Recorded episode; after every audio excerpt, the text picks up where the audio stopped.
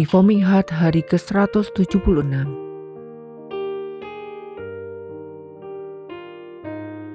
Renungan ini diambil dari website pemuda.stemi.id Tema renungan pada hari ini adalah Nehemia diutus. Mari kita membaca Alkitab diambil dari kitab Nehemia pasal 2 ayat 1 sampai dengan 20. Mari kita membaca firman Tuhan. Nehemia diutus ke Yerusalem. Pada bulan Nisan tahun ke-20 pemerintahan Raja Artasasta, ketika menjadi tugasku untuk menyediakan anggur, aku mengangkat anggur dan menyampaikannya kepada raja. Karena aku kelihatan sedih dan memang belum pernah terjadi di hadapan raja. Bertanyalah ia kepadaku, "Mengapa mukamu muram? Walaupun engkau tidak sakit, engkau tentu sedih hati." Lalu aku menjadi sangat takut. Jawabku kepada raja, "Hiduplah raja untuk selamanya. Bagaimana mukaku tidak akan muram kalau kota tempat pekuburan nenek moyangku telah menjadi reruntuhan dan pintu-pintu gerbangnya habis dimakan api?" Lalu kata raja kepadaku, jadi, apa yang kau inginkan? Maka aku berdoa kepada Allah semesta langit. Kemudian jawabku kepada raja, "Jika raja menganggap baik dan berkenan kepada hambamu ini, utuslah aku ke Yehuda, ke kota pekuburan nenek moyangku, supaya aku membangunnya kembali." Lalu bertanyalah raja kepadaku, sedang permaisuri duduk di sampingnya. Berapa lama engkau dalam perjalanan, dan bilakah engkau kembali? Dan raja berkenan mengutus aku, sesudah aku menyebut suatu jangka waktu kepadanya. Berkatalah aku kepada raja, jika raja menganggap baik, berikanlah aku surat-surat bagi bupati-bupati di daerah seberang sungai Efrat, supaya mereka memperbolehkan aku lalu sampai aku tiba di Yehuda.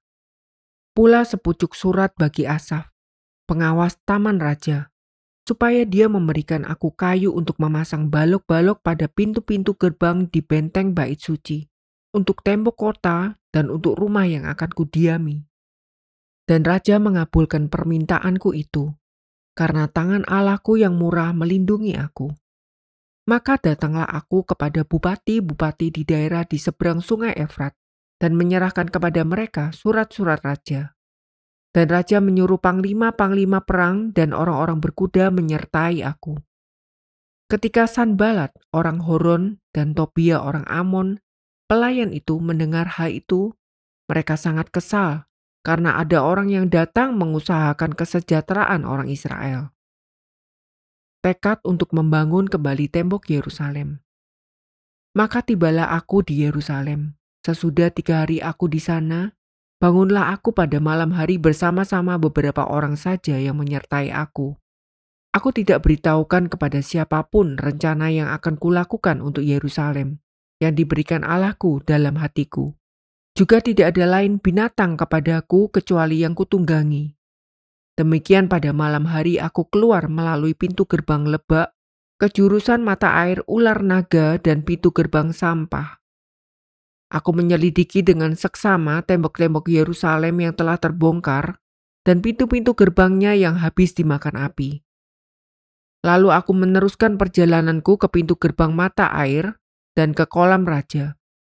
Karena binatang yang kutunggangi tidak dapat lalu di tempat itu, aku naik ke atas melalui wadi pada malam hari dan menyelidiki dengan seksama tembok itu.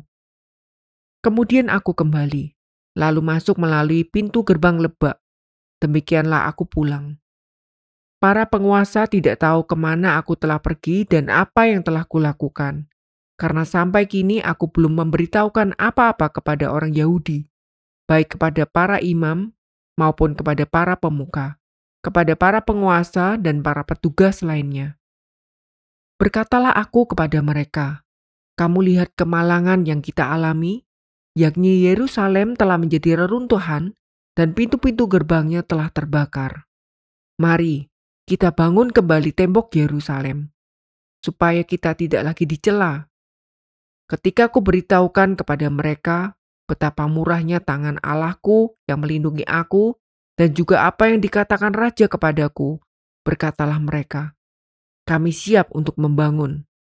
Dan dengan sekuat tenaga mereka mulai melakukan pekerjaan yang baik itu. Ketika Sanbalat, orang Horon, dan Tobia, orang Amon, pelayan itu, dan Geshem, orang Arab, mendengar itu, mereka mengolok-olokkan dan menghina kami. Kata mereka, apa yang kamu lakukan itu? Apa kamu mau memberontak terhadap raja? Aku menjawab mereka, kataku, Allah semesta langit, dialah yang membuat kami berhasil. Kami hamba-hambanya telah siap untuk membangun.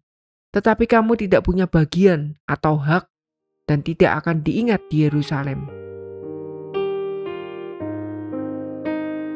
Mari kita merenungkan.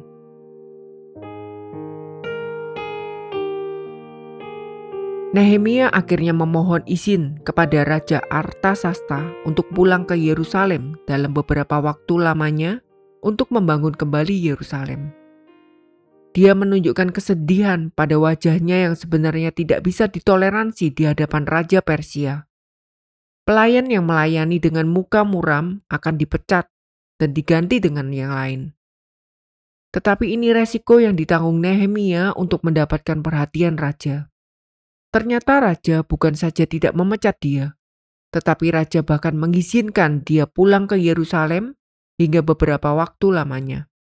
Raja juga memberikan suplai bahan-bahan untuk membangun kembali kota Yerusalem dan bahkan mengirimkan beberapa panglima perang Persia lengkap dengan pasukan mereka untuk melindungi Nehemia dalam perjalanan dari Persia ke Israel.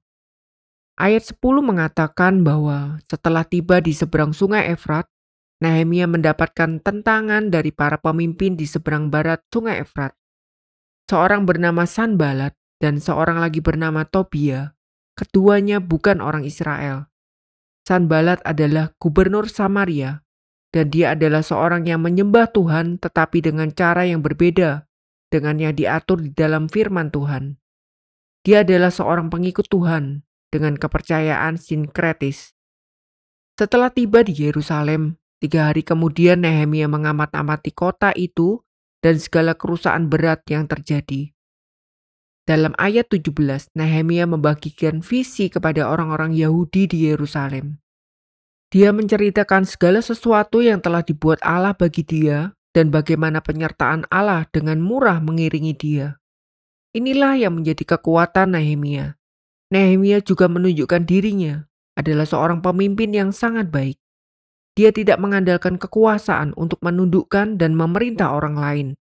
Dia mengandalkan berbagi visi sehingga orang-orang lain tergerak untuk berjuang bersama-sama dengan dia. Tetapi tentangan mulai datang. Sanbalat dan Tobia mengancam bahwa membangun kembali kota Yerusalem adalah ancaman terhadap otoritas kerajaan Persia. Tetapi Nehemia terus menguatkan dirinya dan orang-orang Yahudi lainnya dengan bersandar kepada Allah.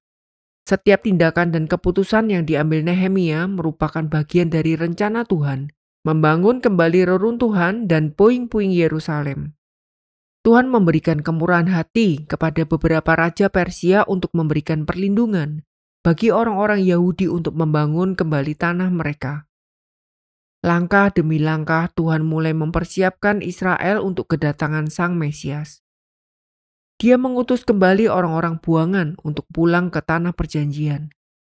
Dia mempersiapkan kembali komunitas umat Tuhan untuk membentuk kembali kerajaan yang sudah terlalu lama memberontak kepada Dia. Kota Yerusalem mulai dibangun, dan setelah itu bait suci mulai dibangun juga. Nehemia merupakan seorang yang dipakai Tuhan untuk mendirikan kembali sisi politik dari kerajaan Israel. Jika Esra dan Serubabel berkonsentrasi untuk membangun bait suci, maka Nehemia membangun kembali tembok kota. Mengapa dua hal ini penting? Karena pemulihan Israel akan berfokus kepada dua hal ini, yaitu ibadah dan politik. Ibadah adalah karena Tuhan akan segera mengirim sang imam besar, yaitu Kristus, anak Daud, untuk memulihkan kembali segala kecemaran dalam kehidupan beribadah orang Israel. Tuhan juga ingin tembok kota Yerusalem kembali berdiri sebagai simbol kekuatan politik, karena Tuhan akan segera mengirim sang raja penerus tahta Daud, yaitu Kristus, anak Daud.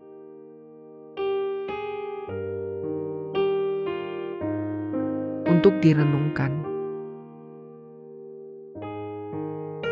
Nehemia merupakan seorang yang menggabungkan dengan seimbang iman kepada Allah dan perencanaan yang matang dan yang tunduk kepada kehendak Allah dan waktu Allah. Dia percaya kepada Allah, tetapi juga mempunyai rencana untuk dilakukan. Dia beriman kepada Allah dan sadar akan kemampuan yang dia miliki, tetapi tetap bergantung kepada Tuhan dengan doa, permohonan, dan puasa untuk bergantung kepada Tuhan. Dia tidak mengandalkan kekuatannya sendiri, tetapi dia mengandalkan hanya Tuhan saja. Nehemia melakukan beberapa hal di dalam pasal 2 ini yang menggabungkan antara perencanaan dan iman kepada Allah. Biarlah beberapa hal ini juga menjadi renungan kita masing-masing. Pertama, mengandalkan Tuhan dan perencanaan yang matang.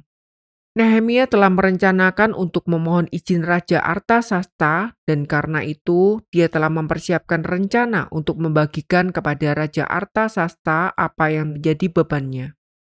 Kita yang mengatakan bahwa kita beriman kepada Tuhan, apakah kita mengabaikan persiapan dan perencanaan yang matang dalam melayani Tuhan dan menjalani hidup kita? Mempercayai Tuhan tidak sama dengan kepasrahan dan kepasifan. Iman kepada Allah justru mendorong seseorang untuk dengan aktif menjalankan rencana untuk melayani Tuhan. Tidak mungkin seorang sanggup menjadi saluran berkat jika dia tidak pernah membuat perencanaan sebaik mungkin di dalam melayani Tuhan. Seringkali gereja ditangani dengan cara yang begitu amatir dan bodoh. Ini sebenarnya adalah dosa di hadapan Tuhan. Gereja harus memiliki kesiapan untuk melakukan suatu tindakan dengan perencanaan yang baik. Tetapi perencanaan yang baik adalah perencanaan yang dilakukan sematang mungkin sambil bersiap-siap untuk dengan dinamis mengubah segala sesuatu jika pimpinan Tuhan memaksa. Tuhan tidak harus bekerja berdasarkan rencana kita. Jika gerakan Roh Kudus berbeda dengan apa yang telah kita persiapkan sebaik mungkin, kita berdosa jika kita tidak berani merombak rancangan kita. Kedua, perencanaan tanpa dorongan yang gigih dari hati yang menyala-nyala bagi Tuhan akan menjadi suatu rencana kaku yang tidak berguna. Bukan rencana yang membuat pekerjaan berhasil, tetapi kegigihan. Demikian juga kegigihan yang sejati dari Roh Kudus akan mendorong setiap orang yang mengenal Tuhan untuk mengerjakan apa yang Tuhan mau. Tetapi ada juga yang tidak tergerak untuk melakukan sesuatu. Orang seperti ini akhirnya hanyalah orang-orang yang hidup hari demi hari tanpa adanya perjuangan untuk mengerjakan banyak hal dalam hidup. Tetapi jika dorongan itu ada dalam diri seseorang, dia akan berjuang terus untuk mencari jalan, untuk mengadakan perencanaan atau mengubah rancangan, asalkan apa yang diperjuangkan itu dapat terjadi. Ketiga, apa yang mendorong Nehemia untuk berjuang bagi Tuhan, itu jugalah yang dibagikan kepada semua orang Yahudi di Yerusalem dan sekitarnya. Dia tidak memerintahkan mereka secara organisasi, tetapi yang jauh lebih penting, dia membagikan kepada mereka apa yang mendorong dia. Inilah yang membuat gerakan bisa maju dan berkembang dengan sangat baik. Sebab baik yang digerakkan pertama kali maupun generasi-generasi selanjutnya yang benar-benar memperjuangkan iman yang sejati. Pemimpin yang buruk memberikan perintah. Pemimpin yang baik menginspirasikan orang-orang lain untuk berjuang bersama-sama. Iman yang mendorong Nehemia untuk mengerjakan panggilan Tuhan inilah yang juga dibagikan kepada orang-orang Yahudi lainnya, sehingga mereka siap membangun dengan semangat yang begitu tinggi. Tuhan menggerakkan Nehemia dan Nehemia menggerakkan orang-orang Yahudi sehingga kota Yerusalem dapat kembali dibangun. Mari kita berdoa. Ya Tuhan, Engkau tidak pernah berhenti bekerja memanggil orang-orang kembali kepadamu. Engkau tidak pernah berhenti bekerja membangun gerejamu. Kami bersyukur sebab kami boleh berada di dalam gerejamu yang terus bergerak menumbuhkan iman jemaat dan terus bergerak menjangkau orang-orang baru. Kami memohon kepada Tuhan supaya hati kami terus tergerak untuk membangun gereja Tuhan dengan menjangkau lebih banyak orang dan bersama-sama bertumbuh di dalam iman. Tolong kami untuk mempunyai visi yang benar dan membagikan visi yang benar ini juga untuk orang lain. Tuhan, pakailah kami sehingga kami merancang setiap hal yang ingin kami lakukan dengan ketaatan dan kepekaan atas tuntunanmu. Berikan kami hati yang senantiasa berkobar terus-menerus bagi pekerjaan Tuhan.